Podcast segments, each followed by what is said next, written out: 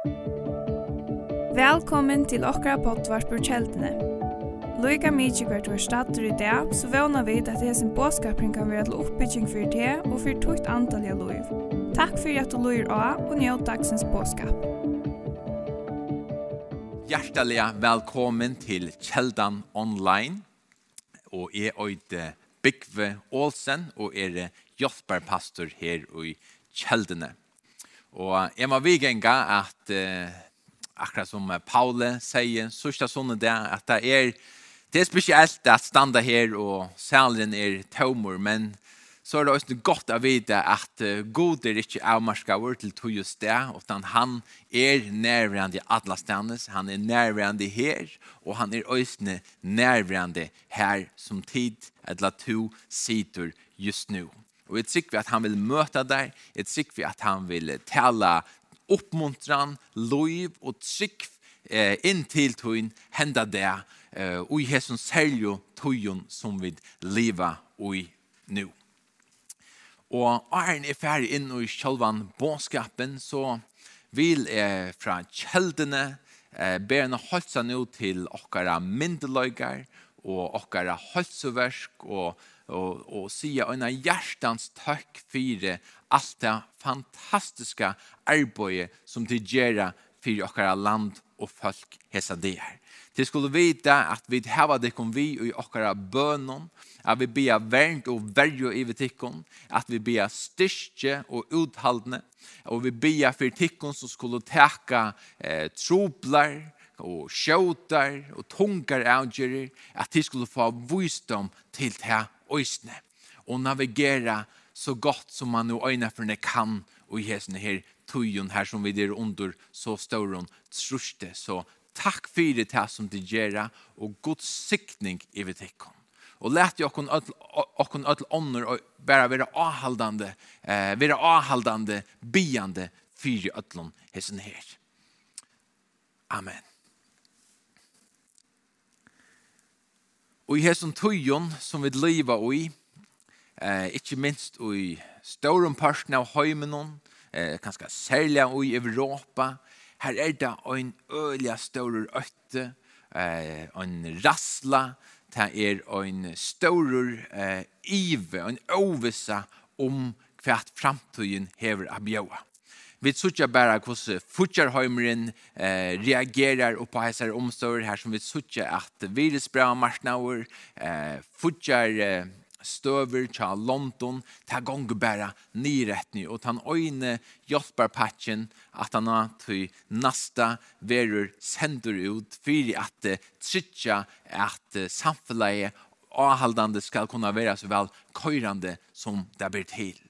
Så det er ikke et ivast i at dette viruset som nå er blevet en pandemi, altså en homsøtt, eh, har väldigt stora avvurskan av gärnsdagen tja öliga mångon av oss.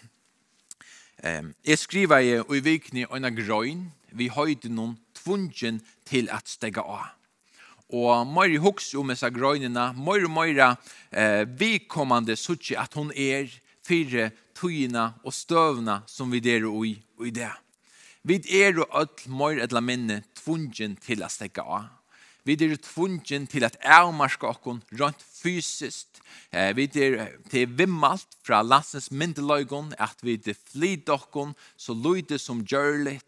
At vi i størsta mån hald okkon fyra okkon sjolve og i okkara ekna huske om ikkje nekka anna er løvs nøyot og det avvirskar kun sjálvande bæg så og så. Og det er ikke så løsner at man bare kan fære heim og tendra sjønvarpe og så hitje etter tog uidrott noen, eller tog eh, konsert noen, eller kvært noe man øyner for den her jeg drømt om. Jeg skulle se og brukte seg togene på. Tog alt er stegget opp. Og ta det stikker opp, så er det akkurat som at det blir et vakuum ui tui personlige løvnene. Det er ganske kommer inn et rastløse til hvert skal jeg gjøre nå alt det som er i vene vi har brukt tog og orsko på, kan jeg ikke bruke tog og orsko på. Tog er etter øsne en rannsekende tog. I hukse, hvert er det som gjør løvnene vire? Hvert er det som gjør gjerne innehalt.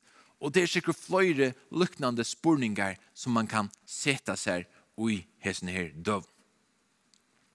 Søgnast av sånne det, så tar seg Paule eh, ut fra Salma 51 og tutningen er at vi kunne bya hendan her Salmen ut iver okkara liv, iver okkara familier, iver okkara land og folk ikke minst okkara myndeløygar og hølseversk. Etter en fantastisk solmor, og hevd ikke lurta etter seg her talene, så er det virkelig oppmuntrande til at gjøre det, til vi at du blir valgsiktnaver. Og du kan svære inn av YouTube-kanalene, til kjeltene, her finner du hesa talene, og nekvar ærer taler eh, vi gåon båskapen som er vi kommande til hesa tøyene som vi nå øyne for nær livet i. Så det vil jeg østene oppmuntra det til, fer inn og lurt etter talen, og fylte vi Guds året hessa tøyene. Og heter her, vi at jotta Guds år til nekka som er så tøtningar mykje. Just hest her, alt er tøtningar mykje, men akkurat nu, her som vi lever på nu, er det så utsoliga tøtningar mykje. Tøy at Guds år er ikke bare som ånder år, Guds år er livande og Guds år er kraft. Og jeg tykker virkelig at vi kunne bare gjøre noen bøner verjo om okkara land hesa de her. Og en sier øyne for nær, om du har tog til stora, så har du øyne tog til at bia. Og jeg tykker møyra vidt fytlokken ved Guds åre, møyra sikk kommer ui okkon, og møyra fru møya bøner kommer vid øyne at bya. Man høyrer nu vittnesborar her som mitt landa og Sokorea, her som folk verlan er færne bøn og herna mot Jesus søttene, og vi høyrer størskar vittnesborar. Det trykk vi øysene er vi skulle gjøre i fyrjon. Det er vi samøynast saman som åttgods folk i bøn imot jes nir.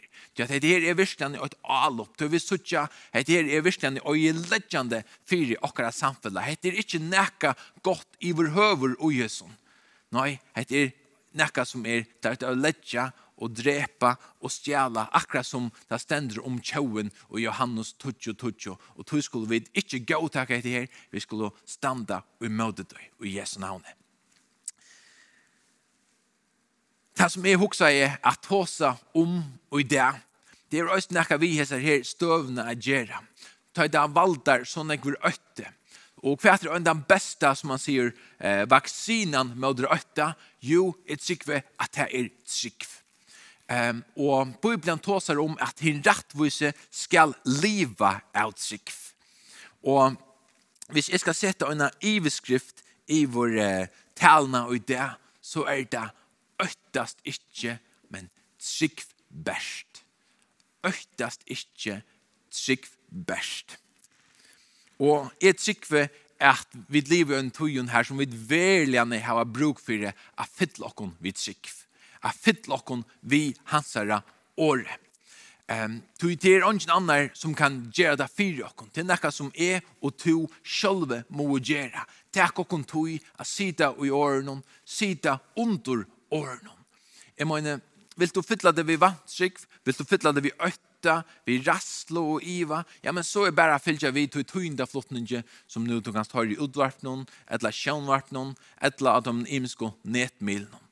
Tog her er virkelig nekvar dæprar søver, nekvar desperata søver, nekvar panikk søver om hva hender ut i høymnen og det. Og fyller man seg bare vi tog, så er det så rævlig kjøtt at øtten tekur ivor. Tog er det så viktig at man fyller seg vid trygg. Jeg hørte her i vikene at uh, serfrøyngar sier at ja, men i hesson tøyen tar så man er sånn eksamen, og konan og mæren er sånn eksamen, ja, men så kommer vi da suttja flere tjonarskjene her. Jeg husker bare, sikkert noen forferdelig tøyen det. og spørningen er, skal man bare svølge hessen her rått, eller skal man si, boja nå? Nei, Tvørst i måte, så vil jeg bruke hese togene til å styrke mot tjunaband. At djeva okkara tjunabandet, eller munnen tjunabandet, nekv møyra vitaminer, nekv møyra nøring, så løsner at det kan bli enn bedre. Og ikke leta det som Milan er nå eh, varspa ut, eh, leta det bli en omskyldning til, ja, men så kan jeg øyne. Hvis alt hei gjør det, ja, men ah, så har vi nu høve øysten til å gjøre det. Jeg vil si, stende du under støv, og her du tjona band rittler, og du føler, ah, i orsker ikke mer, søk hjelp. Først, tja gode, etla kom til omkran samkommeløyere, etla søk til omkran radjøva som vil hjelpe det her, og tog noen tjona band. Det er mine beste råd til tog. Og tog er det atter her, så viktig, hvert leta vi, og kom fytla vi, og i hesen døven. Lært ikke øtten teka ivr.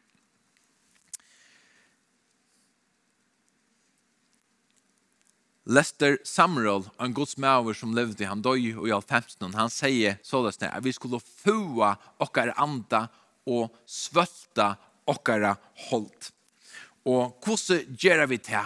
Jo, det gjør vi nemlig, vi just hus med har sagt, at ikke bruka alla tøyina og på fjölmilar og anna som gjør så ringt tøyinder, og den fyll okkon vi Guds åre. Og spurningene er så, hvordan får vi så møyra trygg. Vi tar oss om trygg vi det. Hvordan får jeg møyra trygg? Jo, Guds år sier så løsner at tryggven kommer av tog som prætika verur, og til som prætika verur kommer vi året Kristus her. Lidlen til å få møyra trygg er Guds år. Det er ikke annar snærvevor, det er ikke annar som kan erstatta det at inntekka Guds år til vi til å bytja okkon opp og i trunne. Og i at jeg tar seg til tøyen og i trimon punkten og i det. Og det første punktet er at okkar at trygg det er en sikrande trygg. Okkar at trygg er en sikrande trygg. Lett okken færa til 1. Johannes er bra 5, 4-6.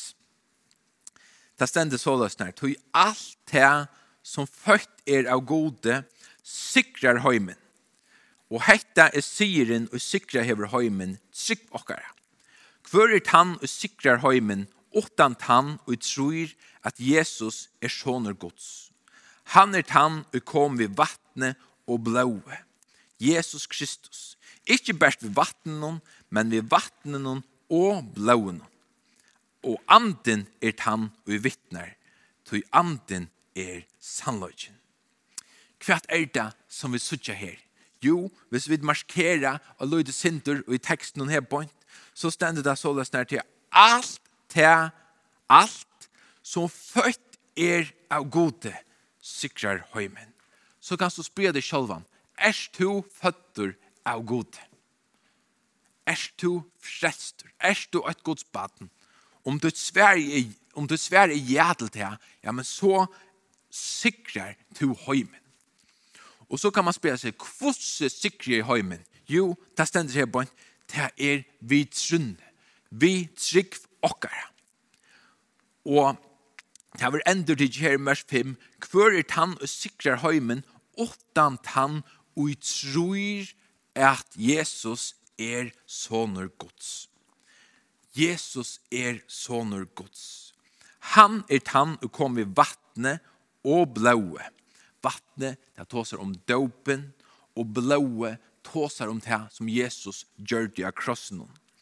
Han kom ikke best ved vattnet noen, men ved vattnet noen og blåe noen, og anden er tann og i vittner, tog anden er sannløyke.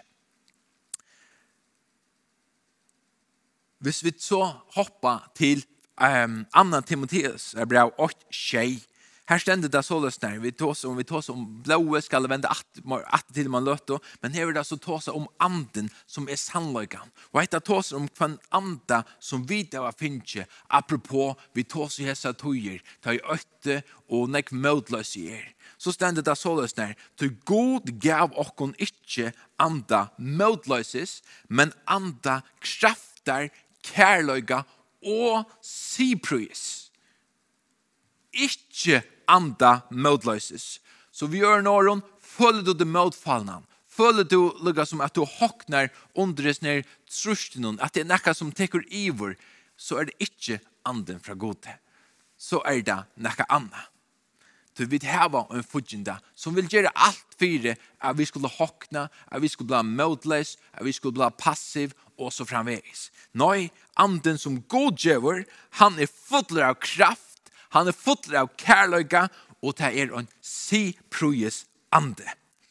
Og hette er han anden som vittnar i okkon. Hette er han anden, han kjeldan, som vi skulle dreja kraft fra og i hesen her døvon. Troar anden, høylaie anden. Amen. Amen. Jeg hører at det sier amen. Johannes, han kommer øysene til anna inn av blåe. Og blåe for okkon som sikva av Jesus er hever nekka særlig plass i okkara løyve. Og en helt særlig antutning. Tog det var jøkken og så blå at Jesus kjepte jokken fra myrskursens velde. Han kjepte jokken fri fra myrskursens velde.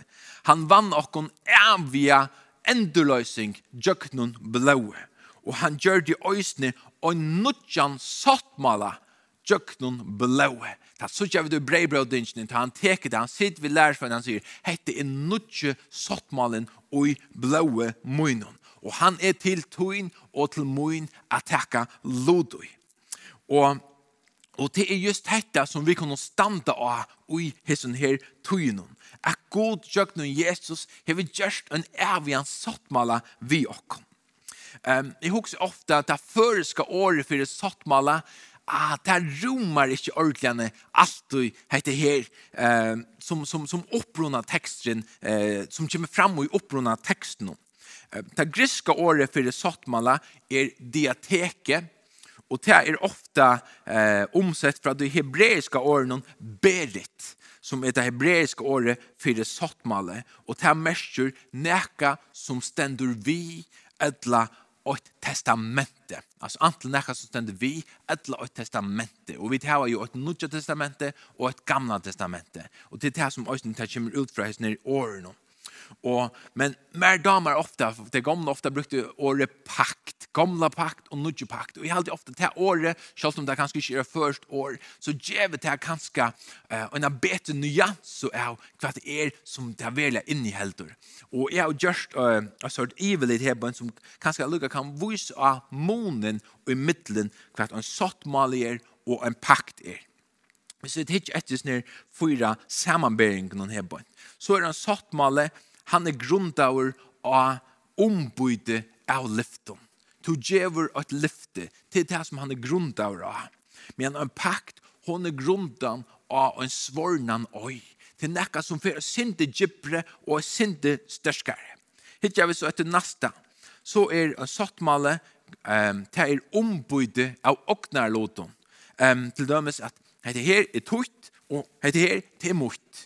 Til det som sottmalen sier.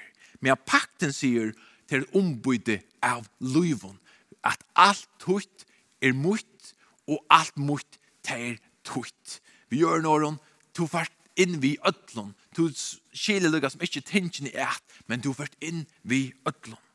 Og det tria til det at han sottmale, han er grundaur av egnan vinning og sjålsøkne, medan pakten er grunda av og sjålsøkje, trofeste og offer kærløyka. Og så til endans at en sattmale, han er tøyer avmarskaur, han er for en avvisa tøy, og så gonger det ut, og så videre. Men pakten, hon er endaleis. Hon er evig, og hon gonger fra atterlig til atterlig. Og jeg halte at det er avhverst okkon og hesson døvun at suttja månen. Og jeg anser hva for år vi velja å bruke, om vi sier sottmal eller pakt, ja, men så er eh, det som Bibelen nevner som en pakt, så er det den veldig tuttningren av åren sattmala. Til den sottmalen som god til å gjøre for okkon at han er en avgjør sattmale. Han kommer ikke affæra ur og han hever givet seg sjølvan ui hesne sottmalen. Han sier at alt mot er tutt. Alt det som god hever til å give til okkon og i djøknon hendan her sottmalan som han hever gjørst vi okkon. Og at det er god, han gjør det ikke for egna vinning, for han skal få snakk bort ur okkon som blir til. Nei, han gjør det pura og eh, kjølsøtje. Treida lest. Han hever ongan bæktank, og han bæra baserar på kærløyka. Og det er fantastisk og hans nere sattmalen som Jesus gjørst vi okon, hans en blå sattmalen, han er forseklaver øynafer for alt og Jesu blå. Det vil si han for omgantøy at eh, man kan si han just ikke er just omvattne, og han for omgantøy urgildig at. Halleluja. Halleluja. Så heter det det som vi standa i. Og Porsche standa for doron, Og det minner oss om mer enn nekka anna hva Jesus gjør det av krossen hon, da han uthelte sitt blå fyrir oss. Um, og i uh, er møsbøk 12 så leser vi om ta godlugga som innsette porsjoner. Eh, og porsjer kom, kommer fra til, til hebreisk åren om Pesach, um, og det enske året for det er Passover. Og det hebraiske året, det mestur anten at leiba om, etla at sleppa undan. Så det var just det som hände hesa porsjonar, så jødsko porsjonar i Egyptalandet, at da åndslen fører fram vi, så leip han om. Han leip Israels folk om. Og vi skulle vende atter til det. Som sagt, så her var jødsko porsjonar som opprunna i Egyptalandet, og i samband vi ta i Moses skulle loja Osses folk ur Egyptalandi, ur trela haldenon som de hadde vært i iver 400 år. Og til som jeg var lese, søvna og kjenne til den, så er det jo at Moses kommer til faro og, og be faro om at leta folk ikke slippe lest for først, og trodde det er ut i øyemørsene, for jeg tilbe herren. Det var enda malig at jeg skulle slippe ur i sin trelhalden, til å tilbe herren. Og vi sier så at uh, Faro, han syder fyres ned, han løyver du ikke, og så fer Moses i gang til å forhandle, og den øyne plaven, eh, løyer til du nasto, til du trio, og så framveis. Og det rekker bare Egypter og Egyptaland. Og så tar det kommer til til tøtjende plavene, ta er det porsjoner komme inn i myndene. Til ta gjør god, eh, Moses er grøy på om at lete, eh, om at bia, kvann mann, kvann husbonda, kvann, kvann mann som var det av sunnen huset om att teka et lydalest veverlamp. Og göra det klart til den fyrstanda og i hessen her månaden. Og vi solsätter den her mannen, Ta skulle teka og, og slakta etter lampe, og ta skuld sletta blåe av lampen av dora stavene, og iverløga som tvør blant noen, iver Og dette her blåe skulle være teken om at ta i god for forboi, at slåa alt av frumborna i Egyptalandet, så skulle han leipa om. Han skulle færa framvi. Han så løsner at Israelitter slår på undan hessen her. Og vi kjenner søvna vujare, kvosse og kvæt. Og det gjør det jo hetta fire av god skulle spæra deg, så at ungen skulle rekast av plavene. Og det som er å ha vært av suttje hebon, det er at God gjør det mon av følgene som har en sattmala vi han, og følgene som ikke har en sattmala vi han. Hvor hei sattmala vi han? Jo, det var Israels folk. Og han let ikke plavene komme iver deg. Og jødiske påskene til oss en profetisk mynd av de fullkomne offrene som Jesus gjør det av Golgata. At han vi så noen blåe vann sier av djevelen og så løsner hever givet med ødel og menneskene ekong til det frelse som han bjør ikke bæra fra syndene fyrtjøving, du til det øysene, men øysene blåer øysene øyne verja for okkon umot i øtlån ytlån som vil komme av okkara vei. Og tog er blåe så er metallega viktigt. Det var en verja for ussas folk, og til øysene en verja for okkon og det. Så da vi proklamerer blåe iver okkon, så proklamerer vi vernt og verja. Tja djevelen, han ble vunnen, han ble sikraver av blåen. Amen.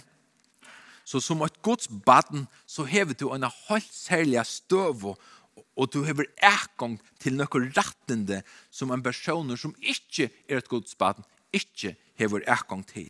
Det er fantastisk å vite og i hesen døven. Og hvordan har vi ekong til dette? Jo, til jeg noen trunner av Jesus Kristus. Og i kraft av Jesu blå, så kunne vi viddirve stuja framfyrir hansara asjon. Tog det er ikke som kan skilja okkon fra honom. Ty alt det som født er av gode sikrar høymen, og hette er syren og sikrar høymen hever, sikv okkara. Vi heva en sikrande sikv til det første. Det neste er at okkara sikv er grunda av hver god er.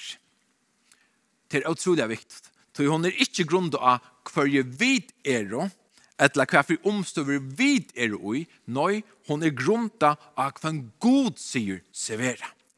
Og ein av ein hun er gode til det at han brøytist ikkje. Han er alt hui hins samme. Jakobs brev i 8, han tåser om at öll gau og öll fullkommen gava er omanfra og kjemenie fra fæger ljøsene som ikke er brøyding eller skiftande skudgetja. Legg mest hva stendet her. Som ikkje er brøyding eller skiftande skudgetja. Hetta viser kvosse støvor god er.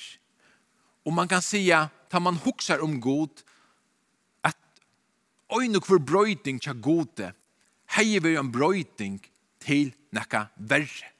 Til god, han er fullkomlega fullkommen, om man kan se det på han da maten. Han er ikke tørv av å brøyte nækka. Jeg mener, hvis vi umynda okken, er vi standa av noen fjatlatoppe. Og god er sammen vi okna som fjatlatoppen. Og god lukka som stendur, og man av av toppen av fjatlatoppen. Den øynaste maten som god kan flytta seg på, det er at være nyrettene så løsner er god. Han er perfektur. Han er fullkommen i ødlån. Og det er tog at vi kunne trykva av han. At han er støver. Høyast omstøvna brøytast, ter skifta, akkurat som vinteren blæser, men god er 100% støver. Hebreabrev 13.8 sier, Jesus Kristus er hins samme og gjør og i det og i atlar æver. Jesus Kristus er hans samme og gjør jar og i det og i alle ræver. Til at god ikke brøytest er øyn av årsøkene til at vi kunne trykva av han og hans herre lyfter. Vi kunne ikke trykva på noe som er avstått. Det her sutja vi bare i hesten er høyme.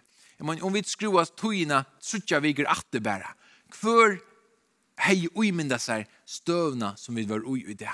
Det er det aller, aller fakst.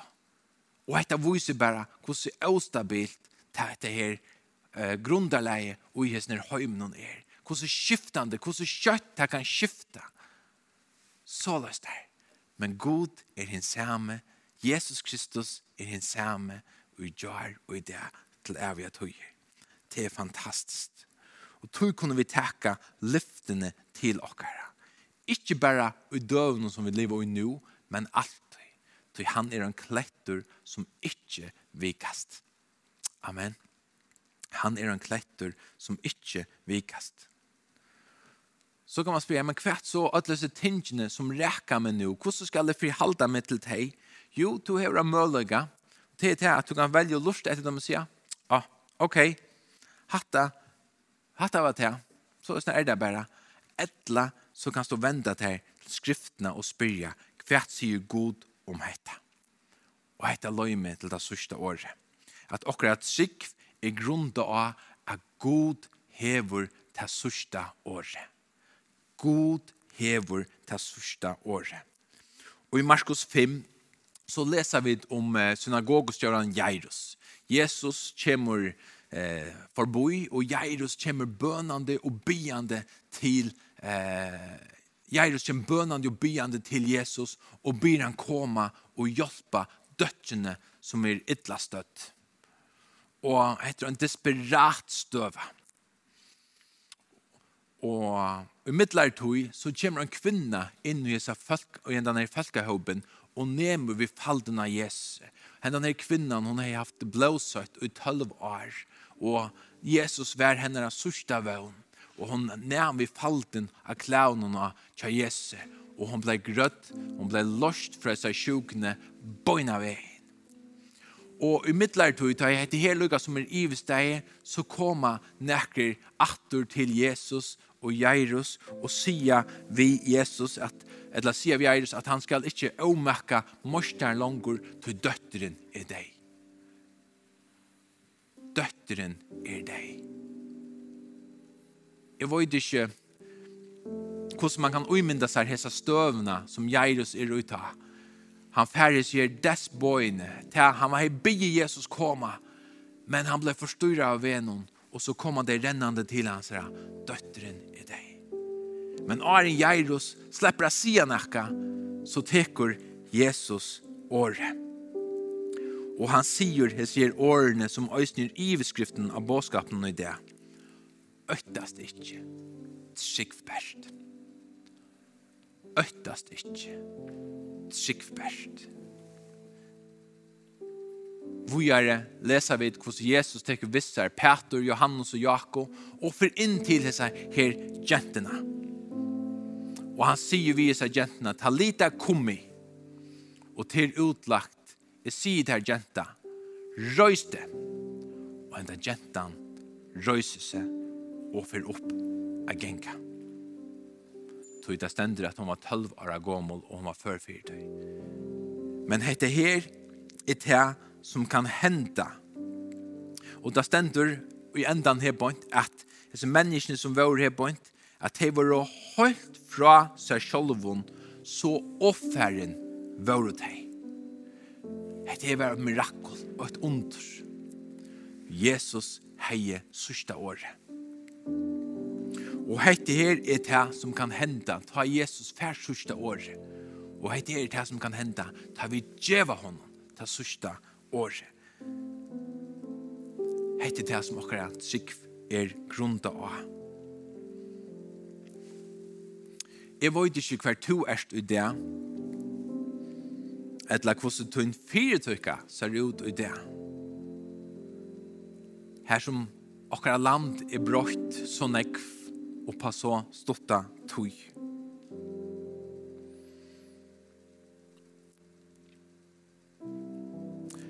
Du kanskje finner anker båt, du kanskje finner å vite, du slipper ikke arbeid, eh, og til overvist om du slipper til arbeidsaktor. Etla er er omstøver i okkara landet som gjør at øtte, etla storan, er kommet inn ut ut liv men så har vi en halsan til den i det. Til det er god heve sørste året. Lova honom at heva sørste året. Læt ikkje tunne te bå som du finnje, akkurat som Jairus fikk båene om med seg her jentene, om døttene som nu er deg. Læt ikkje te båene du finnje være til nye støve, utan legg seg båene framför Jesus. Öttast icke sigvärst.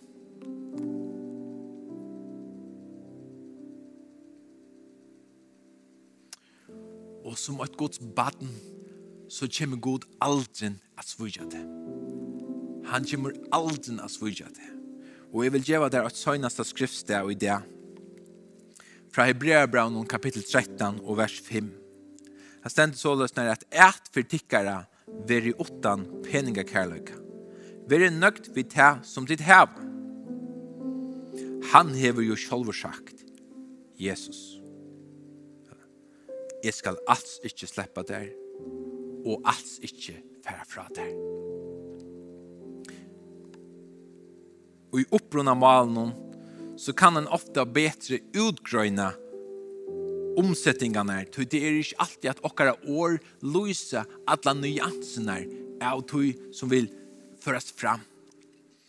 Og i griska malen, det som Jesus sier her på, det er sammansett at fojmon åren som bæge har tuttningen, altså er noktande og merska, etla merska nøy. Og hese bæge årene, det er jo da o og me. Og det er ekvelig sjoldan og Nudja Testamentet at det her årene rønt grammatisk er å sett saman til det vanliga omboa imiskar grammatiskar hatter som gjør at det ikke passar saman. Men ta til standa saman så er det for at uttrykja for at legja dent av nekka som er et rungande nøy og et rungande ungantøy og et rungande aldrin etla hva for i år vi nu annan for å kunne bruka av Jesus le. Så ta Jesus sier, jeg skal alls ikke slippe der, og alls ikke føre fra der. Så er det her et lyfte til åkt og kvart Guds baden. At han kommer aldri å slippe der oppe av fjall. Han kommer aldri å løyve der ut i omstøver her som du ikke klarer å grinna. Her som du ikke hører undan han kommer alltid av vitt her. Og til understryker vi hans nere, jeg skal alls ikke ome sleppa til og alls ikke ome færa fra der. Hette det som Guds år tala til okkon i det. Og i hesen tøyen, her det er så nek som rittler, så sier han, øttast ikke, tryggverst vi tar tåsa om trygg og i det. Og at akkurat trygg er grunnet av at vi tar en sikrande trygg. Hon sikrar Alt som kommer med dere kan akkurat trygg sikra i jøkken Jesus Kristus. Akkurat trygg er baseret på at av for god er. Ikke hver omstøver, ikke hver kjensler, ikke hver jeg vid er. Men hver god er, og bæra hver han er. Og det sørste som vi tås om her, akkurat trygg i grunn av at god hever sørste året. Han hever, hvis vi djev honom sørste året, så kunne under og ting hente. Amen. Lett okkon bia saman. Gå i himmelske fær. Vi takk og prysa deg for ditt livande år til okkon i det her. Herre Jesus, vi ber om her at jeg skal vekja trygg fær. Det skal vekja vøvn her. Det skal vekja loiv i okra hjørsten her. Og jeg skal be nå, Herre Jesus, ut og i høymen i Herre. For jeg be om, Herre Jesus, om det er onker, Herre, som er finnes ikke onker på hese dianer, Herre, som er tung av bære, Herre Jesus, som, som skapar modlös herre. Så be i, i Jesu namn herre. Så talar vi ett liv herre. Så talar vi ett skick herre. In och Jesus här omstöver herre. Och i Jesu löt och Jesus. Ja vi tackar dig för för att du har vår sista året för. Att det som vi suttar och i det herre. Det bo vi där finns ju det herre. Det pjös sig över nystövan herre. Till att du har vår allt och en utväg herre. Oavsett herre kostar rittlar herre Jesus. Han ska fortsätta herre Jesus. Man också kostar ska komma herre Herre Jesus, du har sagt at du skal alls ikke slippe okken, du skal alls ikke fære fra okken, Herre. Ta prysi deg fyrir, Herre. Og vi taler seg at runna ut, Herre, og i høymen jo i det. Og i Jesu Kristi, du er bare